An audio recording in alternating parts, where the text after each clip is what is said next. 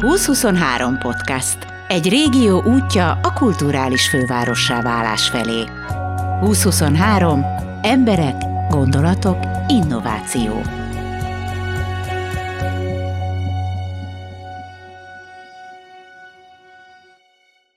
A Művészetek Háza bemutatta a 2023-as Európa Kulturális Fővárosa évad saját szervezésű művészeti programjait. 50 kiállítással, 120 művészetpedagógiai foglalkozással, előadással, tárlatvezetéssel, 30 workshoppal, 7 könyv kiadásával és katalógusok megjelentetésével csatlakoznak az EK programjaihoz. Nézzük végig a lehetőségeket, tartsatok ki, sok izgalom vár rátok! Új könyvek, tangóestek, megtanulhatok rajzolni, állítólag tuti menni fog, retro kiállításra mehettek ékszerekkel spékelve, megnézhetitek a megújuló Veszprémi téglagyűjteményt. Az első megszólaló Kilián László, a Művészetek Háza szakmai igazgató helyettese, az irodalmi témák felelőse. A Művészetek Háza új könyveiről mesél. Ahogyan mondani szokták, a botnak két vége van. A bot egyik vége a könyvkiadásunk esetében az a hagyomány, az az örökség, amit Veszprém képvisel. Ez a Csolnoki projekt, a Csolnoki családnak a prominens személyiségeinek a könyve. Nyilván itt irodalmárokról van szó, illetve a leghíresebb talán közülük mégiscsak a Csolnoki Jenő, aki a geográfus. Ő neki nagyon komoly szakmai tekintélye volt a maga korában, és roppant jól ír. Egy olyan önjeltírást tett le az asztalra, ami nagyon sokáig lappangott, és aztán most sikerült teljes terjedelmébe megmutatni a közönségnek. Nagyon-nagyon érdekes olvasmány. Egyáltalán általában a kor második háború, második háború előtti, első háború, ő Temesváron volt tanszékvezető földrajz tanszéken, és szóval nagyon sok mindent tudnék mesélni, de azt gondolom, hogy mehetünk gyorsan tovább, mert még van sok. A másik híres csolnoki a Csolnoki Viktor, aki hát az egyik legjelesebb irodalmár volt, nagyon komoly véleménnyel voltak róla olyan emberek, mint a Kosztolányi Dezső, és voltak éppen ez a krúdis korszaknak a, az érdekes, ugye szokták őket úgy is apostrofálni, hogy kismester, viszont a mai nap, mai napujainkra is üzenete van neki is, ahogyan az öccsének, Csornaki Lászlónak. Ennek a két könyvnek az a különlegessége, egy olyan válogatást ad, ami vagy nagyon-nagyon régen jelent meg, vagy még nem is jelent meg könyv formájában, és mindegyik nagyon-nagyon izgalmas, ilyen kis horrorisztikus elemek is vannak benne, aki az anekdotákat szereti, mind a kettő nagy anekdotázó volt, és így tovább. Botnak a másik végére, hogy áttérjek, ugye ahogyan a Csornoki projekt négy kötetes, ugye a kortárs irodalom dolgát is szívünkkel viseljük. Veszprémben működik a Vár utca műhely folyóirat, és pontosan ennek révén nagyon sok fiatallal találkozunk, és azt ügyünknek is tekintjük, tehát ezért mi dolgozunk, hogy ezeket a fiatalokat fölkaroljuk egyrészt a publikálás lehetőség folyóiratban, másrészt most az LKF pályázati rendszerében, meg egyáltalán a törekvéseivel összhangban sikerült azt elérni, hogy egy a négy fiatal költőnket első kötethez tudjuk juttatni. E, és a, ez egy nagyon nagyszerű dolog, hát a, a, aki irodalomban gondolkodik, vagy irodalommal foglalkozik, az pillanatok alatt tudja az, hogy, hogy milyen nagyon fontos egy írónak, költőnek az indulás, milyen jelentősége van az első kötetnek. Na most ezt a négy embert mi, minek utána hitelesek előttünk, azért úgy döntöttünk, hogy, hogy első, őket első kötethez jutatjuk.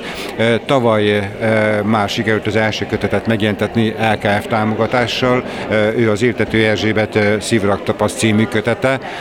Egy nagyon-nagyon csinos kis könyv, mutatom is érdemes ránézni, és voltak éppen mindegyik könyvnek a borítójára is nagy hangsúlyt fektetünk, nagyon-nagyon izgalmas versenyagot szedtünk össze tőlük. A főszerkesztő Fenyvesi Otto azt mondta az első, első kötetesre Éltető Erzsébetnek erre a bizonyos első könyvére, hogy első kötet nem szokott ilyen erős lenni. Azt gondolom, hogy a folytatásban is valószínűleg tudjuk majd ezt a szintet tartani. Most már nyomdában zúgnak a nyomdagépek, hogy elindulhasson a második kötetnek a nyomása. Annyira előre haladtunk, hogy igyekeztünk a, a, a, azt elérni, hogy minél hamarabb tudjuk a, a, pontosan az LKF évben, 2023-ban mindet kézbe adni, és ez úgy néz ki, hogy már rögtön januárban meg is tud jelenni. Somogyi Csabának a, a variációk egy naprendszerre. A dolognak az az izgalmas része, hogy nálunk az első rendezvény az egy irodalmi rendezvény lesz, ennek az első kötetnek a bemutatása, az első kötetesnek a bemutatása, és a pályázatban nagyon nagy örömmel fogadták a pályázatunknak azt a passzusát, hogy az lesz a szép a dologban, hogy nem valaki ö, ö, nagyagyú ö, irodalmár, nagy szaktekintély fogja ö, méltatni és a közönség elé tárni ezt a második kötetet, hanem ők egymást fogják ö, bemutatni a közönségnek. Az első kötetnél még ezt nem tudtuk ö, megvalósítani, most viszont a, a Somogyi Csaba esetében és minden további ö, kötetnek a megjelenésekor ö, ezt követjük, hogy a négy ö, költő, aki első kötethez jutott vagy fog jutni, az ö, a másikát, a, a társát mutatja be, és ettől mindig ilyen kis izgalmas játék alakul ki, hogy, hogy ismerik egymást, korban hasonlóak, és ez, ez nagyon sok lehetőséget nyújt. A harmadik kötet, a, a Korinek Jankának a kötete, ez Szélkerék címmel fog megjelenni, már az anyag szintén a kezünkben van, már dolgozunk rajta, és a negyedik kötet lesz a, a Varga Rihárnak a kötete. Azt sem kell vék alá rejteni, hogy ezek a, a nagyszerű könyvek és ezek a nagyszerű szerzők attól kerültek a látóterünkbe, hogy a négy költőből három eredetileg slam poetris. Balogi Szilvi és Tatorján József tangótáncosok. A képzőművészet és a tánc kapcsolatáról, az ezzel kapcsolatos programokról mesélnek most nektek. Mondjátok meg, hogy egy ilyen kinézetű ember, mint én, ilyen kövér nem szép, az is tangózhat? Persze, persze bármikor. A tangó az ebből a szempontból nagyon multifunkcionális, ugyanis nem függ kortól, alaktól. Most például, ami nagyon-nagyon tetszett, hogy pont egy világbajnokságot egy nem éppen karcsú fiatalember nyerte, de elképesztő tudása van, és hál' Istennek van szerencsénk ismerni, hogy ez most egy külön öröm. Mitől annyira különleges tánc? Amikor én látom, mindig azt gondolom, hogy ez egy nagyon szenvedélyes, talán ez a jó szó, egy nagyon szenvedélyes tánc. Szenvedélyes is, de hogy nagyon társasági, és nagyon ölelős, és nagyon szalonokba illő, és nagyon visszahozza a régi bálok hangulatát, és ezért aztán nálunk, ahol hiányzik ez a fajta társasági élet, ezért egy ilyen összeölelkező kultúrát tud létrehozni, és közösséget. Ti hogy kezdtetek el tangozni? Mi nagyon sokat táncoltunk, mentünk külföldre, nagyon sokat mentünk fellépésekre, akár ügynökségekkel mindenhol, és akkor vége lett ennek az úgymond ennek a költözős életnek, és akkor úgy döntöttünk Szilvivel, hogy kell egy olyan dolog, amivel a nyugdíjas korunkban elfoglaljuk magunkat, és tudjuk azt, hogy egy táncnak a felépüléséhez legalább tíz év kell, és akkor volt időnk, és így belevágtunk a tangóba annak idején, így kezdődött, és tudjuk, hogy még legalább 60 évet tanulnunk kell, tehát hogy így az a baj, hogy ez egy, egy ilyen rádiós műfaj, mint hogyha itt két aggastyán lenne, de milyen nyugdíjra készülöttök, ti hagyjatok már békén. Mert, hát azért jó ez a tánc, mert hogy száz éves korunkig táncolhatjuk, és még mindig lesz benne élvezet, és nem függ semmiféle kortól, nemtől, adottságtól, nem kell hozzá először zenei tudás, nem kell ritmikai tudás, mert a, az, az éneket, az éneket táncoljuk, a bandoneonokat, a hegedűket, és nincs ritmus hangszer, hanem választhatunk, hogy az énekre táncoljuk a lépéseinket, vagy, a, vagy bármelyik másik hangszerre. Tehát nagyon improvizatív. És mi, mit adtatok fel azért, hogy tangozzatok? Hát igazából az utcai táncokat, én nagyon sokat táncoltunk utcán, az arab táncokat, magyarul hastáncot műveltük mind a ketten, ezzel bejártunk elég sok országot, férfi hastáncos is van. Persze, igen, igen, igen. Ez ugyanolyan arab folklór, mint bármi más. Csak mondjuk fura volt, hogy Tunéziába magyarokat hívnak arab folklór táncolni, tehát ez egy kicsit furcsa volt, de egyébként működött a történet. ez volt a hivatásotok, hogy ti jártátok a világot, mint táncos, és arab táncokat táncoltatok? Igen, azt is, illetve hogy én klasszikus balettet táncoltam, indiai táncot, mindenféle más táncot is. Most, hogy már így unoka lett, meg minden, most már nem szeretnénk költözni annyit. Unoka?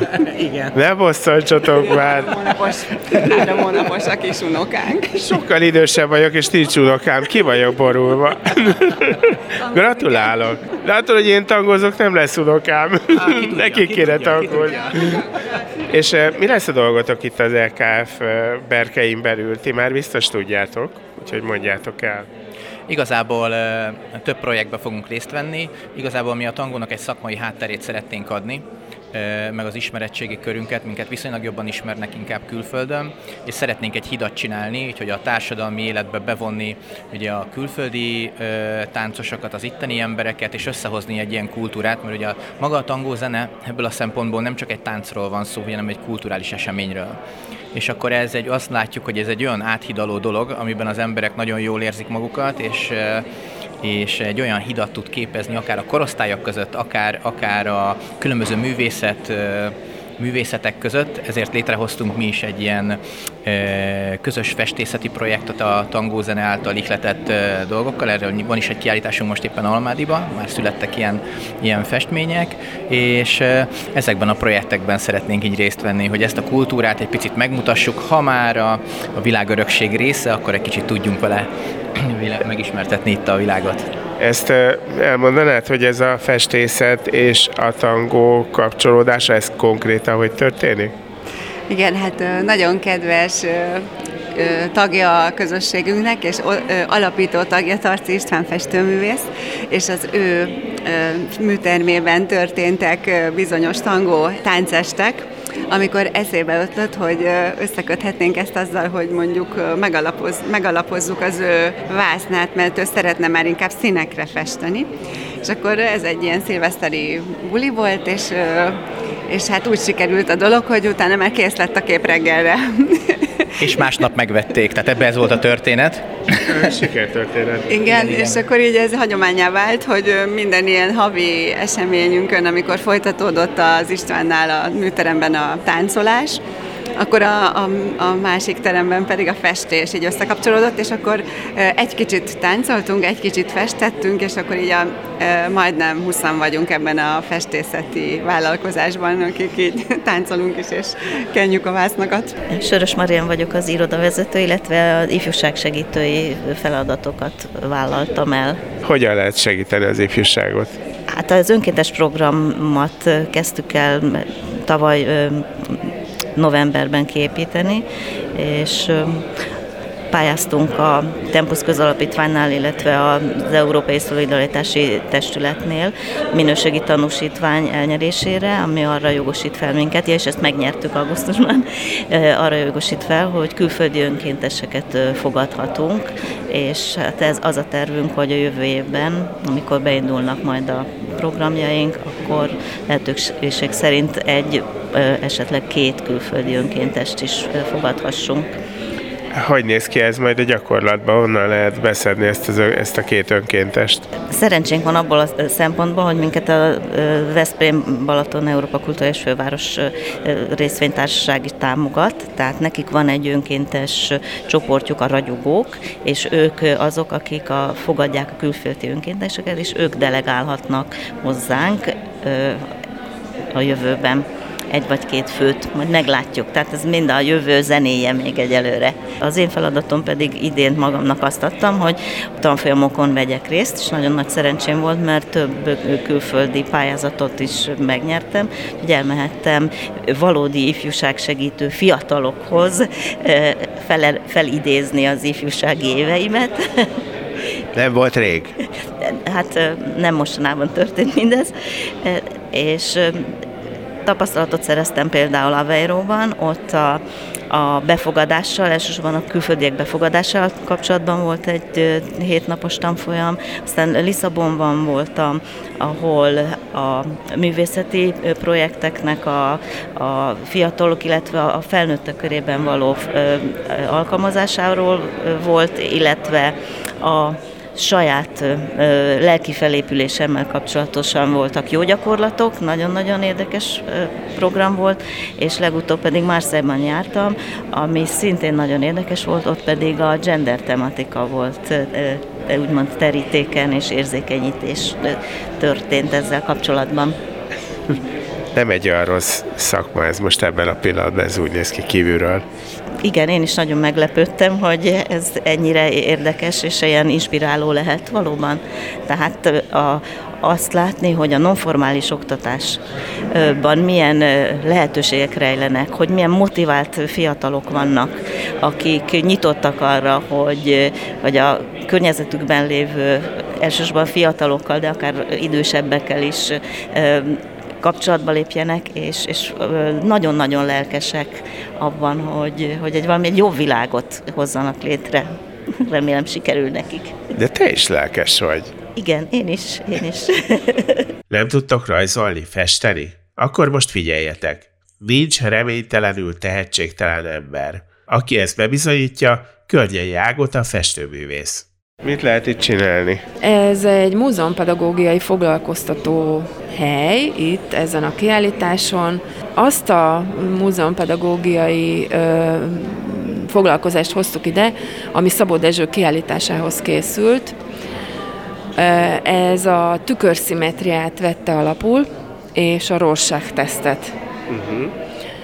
És ehhez hoztunk megfelelő papírokat, tusokat, színes, csöppenthető dolgokat, mert hogy nem csak tusok vannak, hanem kicsit kibővítettük ezt a választékot. Ugye az eredeti Rorschach teszt az, az tussal, méghozzá fekete tussal, illetve fekete és piros tussal, ha jól emlékszem.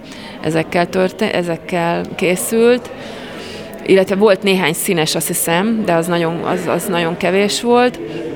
És uh, itt pedig vannak, van fekete tus is, de van neon színű.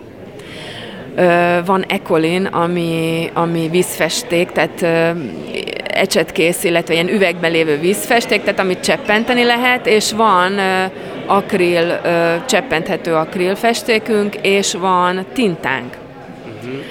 Uh-huh. És egyébként hát ki is bővítettük ezt a foglalkozást, mert ugye a szimetria az egy olyan dolog, főleg a tükörszimetria, ami benne van az egész életünkben, csak soha nem foglalkozunk vele. Ezt fejtsük ki.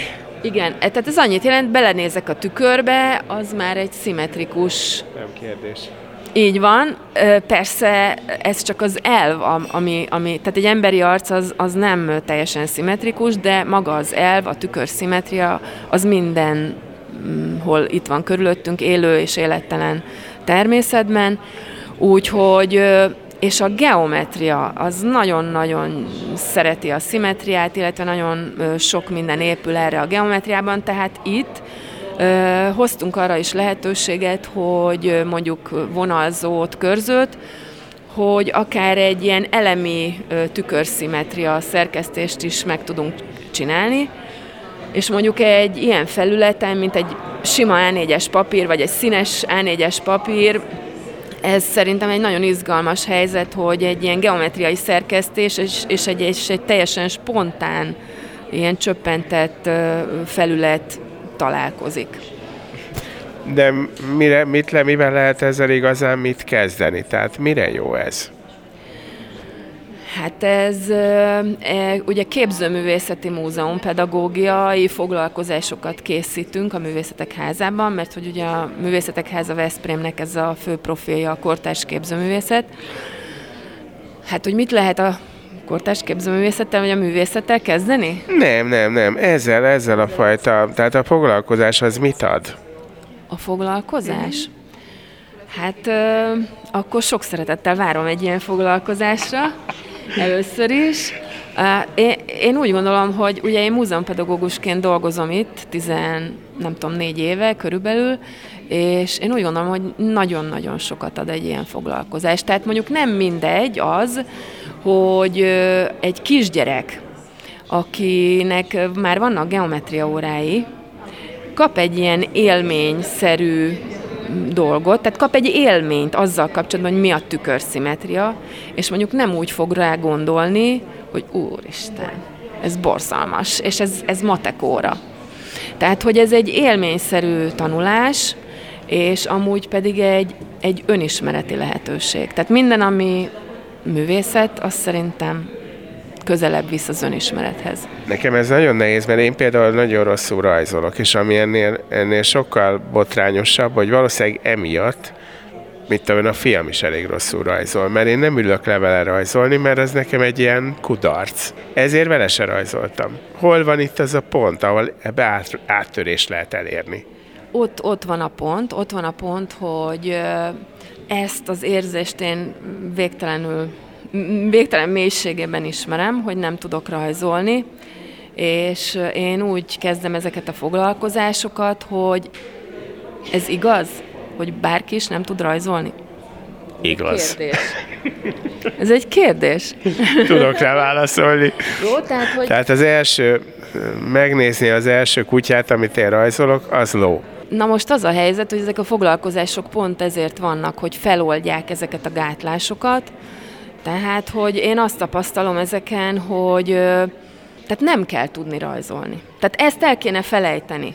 Tehát ez, ez az a pont. Tehát nem kell tudni rajzolni. Mi, miért kéne?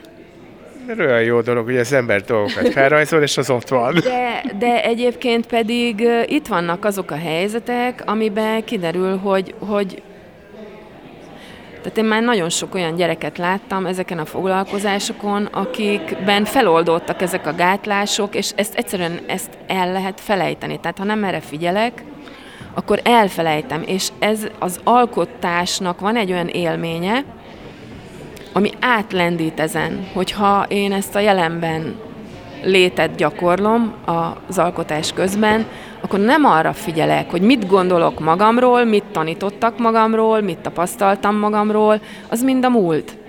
De ez nem a jelen.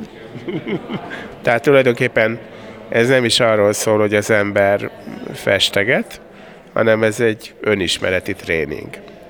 Igen, igen, ez egy önismereti tréning, és pontosan ezeknek a gátlásoknak és, és tévhiteknek a feloldására való szerintem. Hol lehet majd ilyen mm, öntanuláson részt venni? Művészetek Háza Veszprém, kiállításaihoz kötődő múzeumpedagógiai programokon egyrészt, másrészt egyébként van egy másik hely is, ami szintén itt a Művészetek Házában működik, ez pedig a Veszprémi Vizuális Műhely. Ez, ez nem kiállításhoz kötődő munka, hanem ez lehetőséget biztosít mindenkinek, aki érdeklődik akkor a, egyáltalán a képzőművészet és az iparművészet iránt, hogy belekóstoljon ebbe a dologba, de ott egyébként ugyanez a lényeg. Tehát ugyan mi felkészítünk tehát két, két részre lehet ennek a vizuális műhelynek is a tevékenységét osztani, mert hogy egyrészt bárki belekóstolhat ebbe, illetve jól érezheti magát nálunk, tartósan is, mert itt nincsen olyan, hogy valamikor jönni kell, valamikor be kell fejezni, de aki szeretne, felvételikre is felkészülhet. És ezt elmondom, hogy egy felvételire készülő ember, mindegy, hogy középiskolás vagy általános iskolás, tehát mindegy, hogy középiskolai felvételire készül, vagy főiskolai egyetemire, ugyanezekkel a problémákkal áll szembe. Tehát mindenki azt gondolja, minden művész növendék, most mutatok a Mátéra, mert a Máté is, Mátét is tanítottam, és minden művész, ez minden művész növendékben benne van, ugyanígy, hogy én nem tudok rajzolni, és engem nem fognak felvenni. Tehát ezt kell átfordítani, és át lehet százszázalékos felvételi arányal dolgozunk, Képzőművészeti Egyetem, MOME, Budapesti Műszaki Egyetem építészkar. Ez valami csalás. Nem, nem. Én megmondom őszintén, abszolút nem csalás. Én lehet, hogy az egész azért van. Én a Veszprémi Vizuális Műhelynek a, az elődjébe jártam ide Veszprémbe. Tehát én ott készültem fel erre a pályára, és fogalmam se volt, hogy ez történik. Én elkezdtem ott rajzolni, én nem tudom én, november környékén, ősszel, és februárban volt a felvételi. A budapesti képzőművészeti szakközépiskolába, a kisképzőbe, kerámia szakra, amire a legnagyobb volt akkor a túljelentkezés. Mindig nagy rá. És mindig nagy rá, igen, hát most igen, és, és felvettek. De hogy miért, azt ne kérdezze. És ugyanezt megcsináltam a főiskolán is, tehát a festőszakon. Tehát lehet, hogy ez az az élmény, ami, ami, amiből kiindulok, hogy de igen, ezt meg lehet csinálni. És elsőre. És nem kell évekig kínlódni, és nem kötelező Hát nekem még voltak 40 éves évfolyamtársaim. és hogy lehet ez a programhoz csatlakozni? Hogy lehet a műhelyhez csatlakozni? A Veszprémi Vizuális Műhelyhez jelen pillanatban úgy lehet csatlakozni, hogy a honlapon van az elérhetőségem, tehát telefonszám, e-mail cím, és tulajdonképpen telefonon lehet jelentkezni, vagy pedig a, akár a Művészetek Háza központi számán ugyanúgy. Kedden és csütörtökön ként van. Hert Viktória művészettörténészt halljátok. A Várgalériában és a Magtárban fog nyílni január 17-én, tehát amikor az EKF megnyitó lesz, már rég látogatható, a Retro Plus Balaton című kiállítás. Ez az 50-es évektől a 70-es évekig kelti a Balaton illúzióját, plakátgyűjtemény az alapja a bemutatónak. Bedő József nevű úriember hatalmas papírgyűjtő. Mindene van, ami papírból van, és többek közt nagy, nagyon értékes plakátgyűjtemény. Ebben vannak ilyen jó pofik, mint itt, hogy jó munkája, jutalma, a kedvezményes üdülés, igazi 50-es évekbeli szociálcuc. Aztán vannak már 60-as évekbeliek. Itt van ez a Malév plakát, Mahart plakát, ami grafikailag zseniális, remek mű. Tehát ebben az időszakban egyébként így a 60-as években, 70-es elején a, a magyar alkalmazott grafika az egekben volt, nagyon magas színvonalú volt. Na most ezeket mutatjuk be, de azért nem lehetett megállni, és poénosítjuk. Tehát lesznek ott vitrinek, és rengeteg tárgy, gyűjtjük mindenkitől, amilyen van, a szódás szifontól, a retro kempingszéken keresztül, egy csomó régi rádió, lesz Balaton rádió, Tihany rádió, Badacsony rádió, kempingrádió, strandrádió, rengeteg minden. Szóval igazi retro hangulat lesz, nagyrészt a 60-as, 70-es évekbe lehet visszalépni, mintha akkor nyaralnánk a Balatonparton. De hogyha az ember egy kicsit majd a mélyére megy, akkor azt látja, hogy azért itt komoly teljesítmények voltak ebben az időszakban is. Igen.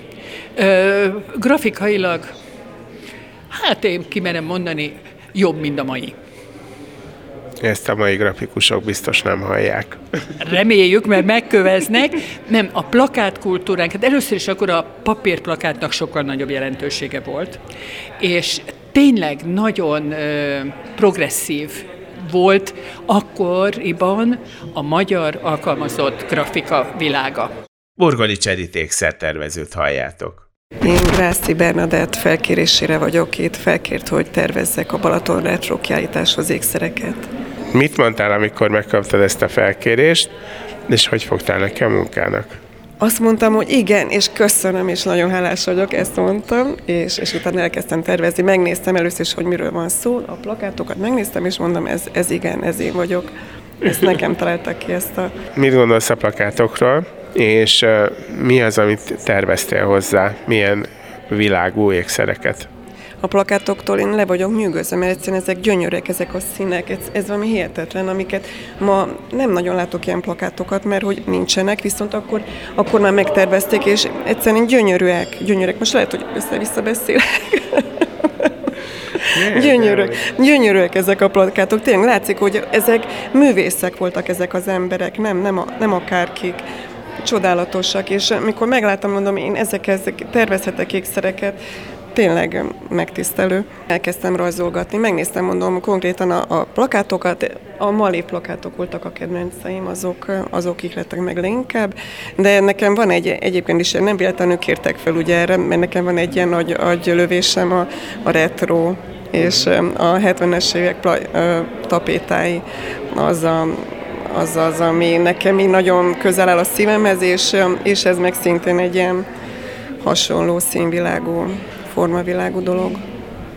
Jó kérdés, a miért pont a 70-es évek? Indiszkrét. Nem, hát én akkor voltam gyerek. A 70-es években voltam gyerek, és, és én nekem ez egy nagyon kedves korszak. Nagyon kicsi gyerek. Ö, mesélj egy kicsit az ékszereidről. Mi az, ami, milyen világúak ezek az ékszerek, és milyen formákat használtál? Nagyon szeretem a geometriát, és azokat igyekeztem ötvözni ugye a plakátok színvilágával, és visszaadni ezt a hangulatot. Hol lehet majd elérni az ékszereidet? Hát itt Veszprémben, a Művészetek Házában. Most bemutatjuk a Teguláriumot, a Veszprémi téglagyűjteményt. Korodi Lászlót halljátok, a Művészetek Háza munkatársát, téglarajongót. Meg kéne mutatni, hogy itt mit látunk a sok tégla kivételével. A sok tégla, ez csak a felszín, amit itt látunk, ez csak 14 darab és egy vetőláda, mert hogy ez csak igazából, amit a, a, a, a, ezen a kis tárló részen van, igazából csak Veszprém városát próbáltuk reprezentálni. Mert az teljes Kárpát-pedencei tégla, bélyeges téglanyagot nem is lehetne, mert most pillanatnyilag több mint 30 ezer bélyegel van csak a Kárpát-pedencében atyavilág. De itt van ez, ez talán mancs lenyomat. Igen, ez egy kutyaláb lenyomata, mert hogy ezek még napon száradtak, tehát hogy keresztül trappolt rajtuk az egész házi állatkert, az, hogy kutya, macska, baromfia, kecskék, libák, de van egy ilyen törvény, mert hogy két sorral odébb, hogy ez egy örök törvény, ahol kutya van, ott gyerek is van, mert ott egy kb. két-három éves gyermeknek a lábnyoma van, aki szaladt a kutya után. Az egész projektről kéne mesélned nekem. A Veszprémi téglagyűjteménynek az alapjait Fodor József tanár úr vetette meg még a 70-es évek közepén, tehát, és kettő, e, e, ennek a téglagyűjteménynek hogy 2006 óta van itt Veszprémen, a Dublicai palotában a felújítás, akkor egy nagyon helyes döntés, hogy itt egy, egy 16. meg egy 18. századi pincerészbe került ez a, a gyűjtemény, és hogy idén van az, hogy megújítottuk az új gyűjteményt. Szeptember, január 17-én fog nyílni hivatalosan az új kiállítás, mert ugye hát két oka is van ennek. Egyrészt, hogy idén volt, ez, hogy száz éve született Fodó József, és az ő tiszteletére is meg folytatni az ő munkáját, amit annak idején elkezdett. A másik pedig a gyakorlati ok, mert hogy az elmúlt közel öt évben, hogy duplájára nőtt a gyűjteménynek a darabszáma. Ez egy 12 ezer éves történet, és hogy de amit említett, ez a formagazdagság, tehát az, hogy több, pillanatnyilag több mint 30 ezer bélyegél van, és ezek, ezeknek a száma folyamatosan gyarapszik, tehát hogy még mi is találunk újra és újra Veszprém városában, illetve környékén olyan bélyegjeleket, amiket addig még nem ismertünk. A bélyegjel az nyilván tulajdonképpen olyan, mint egy aláírás, nem? Inkább logónak nevezném, de ezeknek gyakorlati funkciója is van. Tehát hogy egyrészt hogy logó vagy egy, egykori márkajelzések, de ez már az őskor ókor hajnalától, meg például a, ami mondjuk, hogy Európára van, mert, illetve amiről beszélek, az csak, ez csak az európai rész. Tehát mert egy egészen más történet ebben a 12 ezer éves történetben, hogy mi, mi történt Mezopotámiában, Indiában, Kínában, később az arab világban, mert mindenhol más hangsúlyt kapott ez az építészetileg, de hogy egyrészt, hogy logó, de másrészt pedig funkciója is volt, tehát hogy az, hogyha például egy, egy, egy, egy égetett durva kerelmén, köznapi nevén például tégla, hogyha bármilyen jel van, tehát hogy vonalazás van rajta, domború jel, mélyített jel, akkor az például felületnövelést is szolgálták, tehát ezeknek funkciójuk is volt a múltban. Csak, ma, csak ma divat az, hogy kifordítjuk, amivel igazából nincs semmi probléma, mert ez is egyfajta értékmegőrzés, mert jobb, mint hogyha vagy bárpultban van, vagy a kerítésben, mint a, a, a, a szeméttelepen végzik, de a múltban soha nem fordították ki a téglát, mert funkciójuk volt. Hogyan lehet ezt egy átlagos polgár számára érdekessé tenni? Mert most persze itt, most látok magam előtt, mit tudom én, 14 vagy 15 tég. 14 darab. 14 darab és egy eredeti vetőládát, egy Horváth Sándor féle Veszprémi vetőládát. Tehát, hogy ezeket így végnézem, és nagyon érdekes. De amikor mondjuk ebből több ezer darab van, hogy tudod ezeket egy kiállításon érdekessé tenni? Hát először is, hogy tematizálni kell, hát, hogy ez, ezért, tehát, hogy ezért újul meg most a tegulárium, és a január 17-én fog megnyitni, kerül sor a megnyitóra hivatalosan, mert, mert hogy ennek a gyűjteménygyarapodás miatt is szükségessé tetté az, meg a, a plusz ismeretek, tehát hogy mindig, mindig derülnek ki új jelmegoldások, de azt, hogy, például, hogy, hogy egy újabb koncepcióval és egy látogatóbaráttabbá tenni a kiállítást. De gondolom, ilyen, egy ilyen kiállítás akkor tud a legütősebb lenni, hogyha vezetéssel megy valaki. Igen, mindig szükség van rá. Mert hogy önmagunkban is persze gyönyörűek. És hogy ezen a kis mintaasztalon is látszik, tehát hogy mindannyiunkat nem szándékosan, és csak idézőjelben mondom, hogy félrevezettek már az óvodában, mert mindig vörösre kellett színezni a téglát, de a tégla az egy szivárvány színű szín pompázik, mert nincsen, hogy egységes agyag.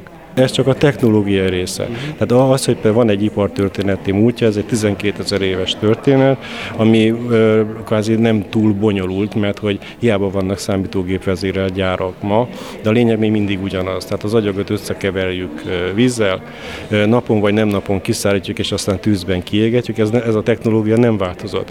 A bélyeges téglák esetében ami vonzóvá teszi, nem teheti, nem teszi mindig az érdeklődők számára, hogy sokkal fontosabb ennél a kor, kultúr, művészet történeti aspektusa, ugyanis én ezeket a jelölt téglákat, hogy egyfajta merevlemezeknek tekintem, ezek olyan hardverek, amik elektromos áram nélkül működnek ráadásul, csak ki kell belőlük nyerni az információt. Segíts, mondjuk most van itt 14 téglát, mondjuk egy-kettőről mesélj nekem történetet. Hát, röviden, vagy hogy ez, ezek csak, csak igazából Veszprém városát reprezentálják, tehát az első sorban egy, az egyik legrégebbi, és csak évszámosban legrégebbi évszámos magyar tégla, az 1649-es, ez speciál sümegen készült, de Széchenyi György akkori Veszprémi püspök készítette a sümegi vár meg, meg, új, fe, fe, megújításához. A, a következő az MB, hogy Martinus bíró, ez Padányi bíró Márton püspök. Az IKE, annak nagyon örülök, mert ez, ez nyáron került elő, mert az IK-s téglák azok ismertek voltak eddig is, hogy Ignácius Koller, a, a mostani érsekség, a püspöki palotának az építetője, de olyat még nem volt eddig szerencsém látni, amelyikkel rajta van a E, vagy a rangja, hogy episzkópusz is, tehát Ignácius Koller episzkópusz, Koller Ignác püspök. A következő például a GZD, hogy Grófzicsi Domonko szintén Veszprémi püspök, a fősősorban az EV, dupla, E V, hogy Episcopátus Veszpremiensis, Veszprémi püspökség, ez is ez szintén egy új darab, ez nyáron került elő most a, a Veszprémi vár felújítása, akkor a V, például, például egy baromfilábnyom van a P betűben éppen, de a V, v és a P, köz, a V és a P között egy S betű, és hogy ö, ö, és szintén ugyanabban a bontásból került elő egy Veszprémi székeskártal, amiben szintén egy S betű van, és ők azért voltak izgalmasak, mert Fodor Józsefék az alapítóik már a 80-as évek elején találtak olyan VV Veszprém város jelölésű téglát, amik szintén a két betű között van egy S betű, úgyhogy most már csak azt kell kideríteni, hogy mi a szakramentum az az S betű ott benne, mert hogy régen felesleges. És ezt, ezt most még nem is tudjátok? Nem, nem. Tehát, hogy ez, igen, mert ez a titok, tehát, hogy mindig meg kell fejteni ezeket a dolgokat dolgokat, mert hogy, mert hogy ezek nem véletlen. Tehát régen nem voltak hebren csak az emberek, ha valamit faragtak, mert bele kellett faragni a vetőládába, annak oka volt. Ha csak egy vonalat húztak bele, annak is már oka volt. És ez nem lehet, hogy, hogy egy nagy arcú kiégető művész a saját nem, monogramját belerakta? Nem, hogy ez egy nagyon fontos dolog, hogy, hogy gyár csak 1858 óta létezik, mint olyan, amit mi gyárként ismerünk, az azt megőző cirka 8000 évben mindenki kemencében égetett, tehát a gyár megjelenése előtti időszakban csak a készít tetőknek a jelei vannak rajta, mint például a, a, itt az említett püspöki téglák, vagy a Veszprémi püspökség, Veszprémi székeskártalan. A gyár megjelenése az, amikor megjelennek a készítők, tehát a Horváth Sándor, a Csomai Kálmán, vagy a Takács János. Ja, értem. Tehát ez, ez egy fontos cezúra. Én meg vagyok győzve. Én jövök. Porga Gyula polgármester urat is el tudtam csípni. Ha már így alakult, megkérdeztem, tud-e aludni. Az izgatottság mindig akkor jön elő belőlem, amikor reggel felébredek, de meg amikor este már elcsendesedik körülöttem minden, mert úgy napközben nincs idő arra, hogy az ember e, izguljon, hanem az előttünk álló feladatokat várjuk, hogy, e, hogy megoldjuk.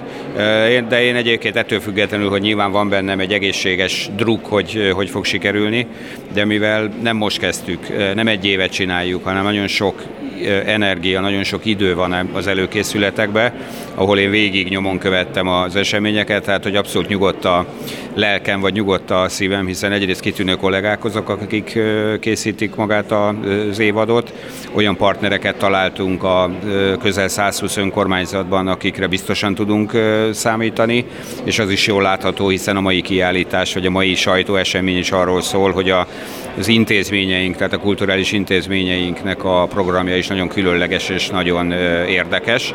Úgyhogy én, én abban bízom, én abban bízom, hogy, és azt is várom az évattól, hogy nem csak nekünk Veszprémben lesz emlékezetes ez az év, nem csak a magyarok lesznek büszkénk arra, hogy Veszprém ezt frappánsan megcsinálta, hanem biztos vagyok benne, hogy lesznek olyan programelemek, amelyekre az európai nyilvánosság is fölkapja majd a fejét. Mennyit nőtt a megtartandó sajtótájékoztatók száma? Hát meg sokszorozódott, hogyha, hogyha lehet ilyet mondani. Bár Veszprémnek mindig volt egy nagyon erőteljes kulturális arcéle, hogyha lehet ilyet mondani. A Veszprémi polgármesternek két dologhoz kell nagyon érteni. Az egyik az nyilván a kézilabda, a másik pedig az, hogy a helyben működő kulturális szervezetek, alkotókkal való párbeszéd az egy nagyon fontos eleme szerintem, hiszen Veszprémben tényleg egy nagyon aktív és pesgő kulturális élet van, tehát azért nem idegen, de ekkora mennyiségben, amennyiben most az elmúlt években ránk dőlt, nyilván ez, azért ez egy rendkívüli helyzet. És azt is el szeretném mondani, hogy a, azért a mögöttünk hagyott időszakban azért volt két év, amely a pandémiával terhelt volt, tehát volt egy csomó olyan program, ami elmaradt, és egyébként ez az, a 23-as év, vagy a felkészülésnek egy nagyon fontos eleme volt egyébként minden város esetében, hogy a felkészülési években milyen programokkal indulnak el, hiszen a, a csúcs az 23-ba kell, hogy eljöjjön, és nekünk azért a 20-as, a 21-es év nem volt teljes egészében adott, tehát volt jó pár olyan esemény, amiről sajnos le kellett mondanunk emiatt.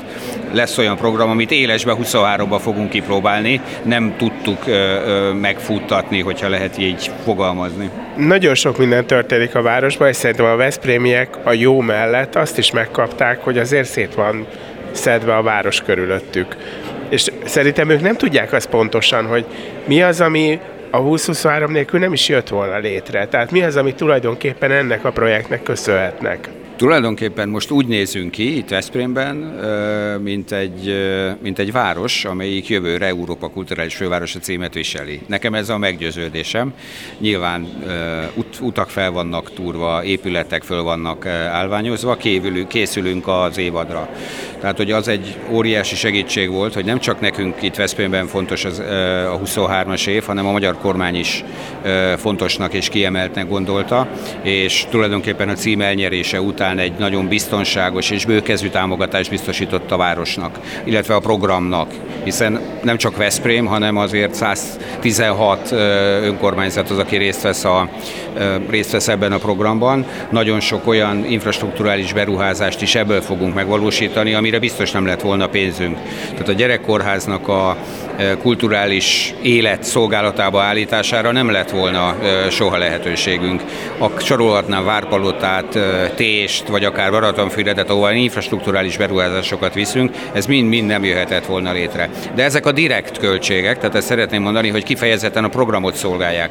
De van olyan segítség is, amit szintén a kormánytól kaptunk, amik, amiket mi úgy hívunk, hogy indirekt ö, kiadások, ami nem közvetlen kulturális infrastruktúrát jelent, hanem egyszerűen a a városnak a rendbetétele, vagy hogy mégis készüljünk fel arra, hogy ide vendégek jönnek. Tehát a most zajló útfelújítás például nem Európa Kulturális Városa pénzből, hanem egy másik zsebből, a Modern Város programból, de mégiscsak azt a célt szolgálta, hogy 23-ra ezek készen legyenek. A vasútállomásnak a megújítása szintén nem egy kulturális célú beruházás, de az a vasútállomás, amelyet a Veszprémiek ismernek még jelen pillanatban is, azzal nyilván nem alkalmas arra, hogy vendégeknek ez a, ez a kapu vagy ez az arca mutatkozzon meg a városnak Tehát, hogy azért mégiscsak itt egy 70 milliárd forintos állami támogatásról beszélünk, ami közvetlenül a programhoz érkezett.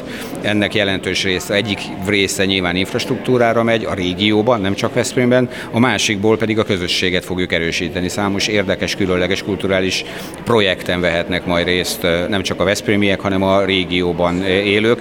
És én azt gondolom, amikor egyébként ilyen nagyon nehéz időszak van, háború a szomszédban, a pandémiát még tulajdonképpen le se vetköztük, egy kicsit vagyunk csak a pandémia után, tele vagyunk szorongással, félelemmel. Szerintem ez egy óriási lehetőség a mi közösségeinknek, hogy itt van a remény, pont egy kulturális évad, amikor egyébként ezeken a nehézségeket talán mi jobban felül tudunk emelkedni, mint ahol nincs meg ez a fajta ünnepnek a lehetősége. Amikor a kulturális főváros szóba kerül, mint projekt, minden, mindig azt mondják, hogy nem 23-ról szó lesz, hanem 24-ről, 25-ről.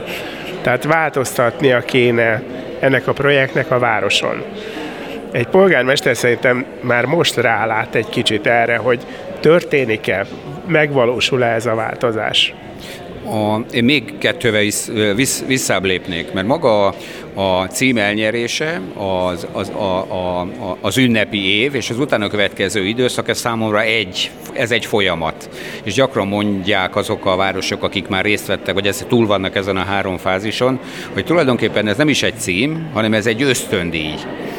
Mi most megnyertünk egy ösztöndíjat, egy tanulási folyamatnak vagyunk a részesei. A kihirdetéstől a megvalósításig, nagyon sok mindent át kellett gondolnunk, a kulturális életünket, a közösségeinket, a, az épületeinket. Ez egy városfejlesztési eszköz, az Európa Kulturális Fővárosa Program. Ez a közösségeinket erősíti, meg a város infrastruktúráját is meg tudja erősíteni, és ebből adódóan ez a városnak a jövőképéhez is hozzá kell, hogy járuljon. Luxus lenne, hogyha nem arra használnánk fel ezt a lehetőséget, hogy egyébként a városnak a stratégiájához illesztjük ezt a programot. És mi ugye azt a célt tűztük ki itt Veszprémben, hogy 2030-ig Veszprém a legélhetőbb európai városok élmezőnyébe tartozzon.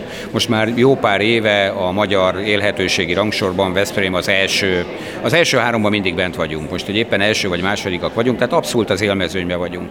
Viszont fontos, hogy ez egy olyan lehetőség, ami lehetővé teszi azt, hogy nagyobbat álmodjunk, és ne csak helyben, hanem egyébként európai összevetésben az élhetőségi rangsorban lépjünk előre. Nekem meggyőződésem, hogy a 21. századnak a nyertesei, szerintem a 20. századot a nagyvárosok nyerték ott összpontosult a kereskedelem, a gazdaság, a tudásipar, a kultúra, és a pandémia is, meg maga a 21. századi technológiák szerintem lehetővé teszik azt, hogy a kisebb városokra terelődjön a hangsúly. És én azt várom a 21. századtól, hogy a középvárosoké legyen a 21. század. És szerintem Veszprém, meg a térségével együtt, ezt szeretném elmondani, mert a köz, középváros az az 500 ezer alatti az én, én víziómban. Az életmódunk is, az igényeink is megváltoztak a 20. század vége óta, az elmúlt 20 évben és sokkal inkább felértékelődnek ezek a közösségek. Na most, hogyha Veszprém ezt a pozícióját, amiben most van, tovább akarja erősíteni, akkor luxus lenne, ezt a lehetőséget, amit mi most megkaptunk, vagy elnyertünk, ezt ne arra fordítsuk, hogy egyébként a élhetőségben tegyünk lépéseket arra, hogy még élhetőbbek legyünk. Ezért nyilván a szolgáltatásainkat meg kell erősíteni, kulturális vonzereit kell a városnak megerősíteni, a kulturális ipart, vagy a tudásipart kell, hogy erősítsük. Tehát ez mind-mind része az Európa Kulturális Városa programnak, illetve mind-mind szükséges ahhoz, hogy élhetőségben előrébb tudjunk lépni. A jó környezet megvan, van, Balaton a Bakony közelségében, a közbiztonságunk rendben van, közszolgáltatások rendben vannak, de még mindig van élhetőségben olyan terület, ahol fontos, hogy előre lépjünk, fontos, hogy a közösségeinket megerősítsük, és maga az, hogy sikerült összefogni 120 önkormányzatnak itt Pannonia szívében, ez már egy óriási csoda, hogy van egy közös cél, amire képesek vagyunk úgy összefogni, hogy ezek az önkormányzatok még anyagi áldozatot is vállaltak, nyilván Veszprémi áldozatvállalás mellett, tehát ez is egy olyan érték, ami segít abban, hogy közösen legyünk nyertesei a 21. századnak. Már csak néhány hét. Gellért Gábort és fél Veszprémet hallottátok.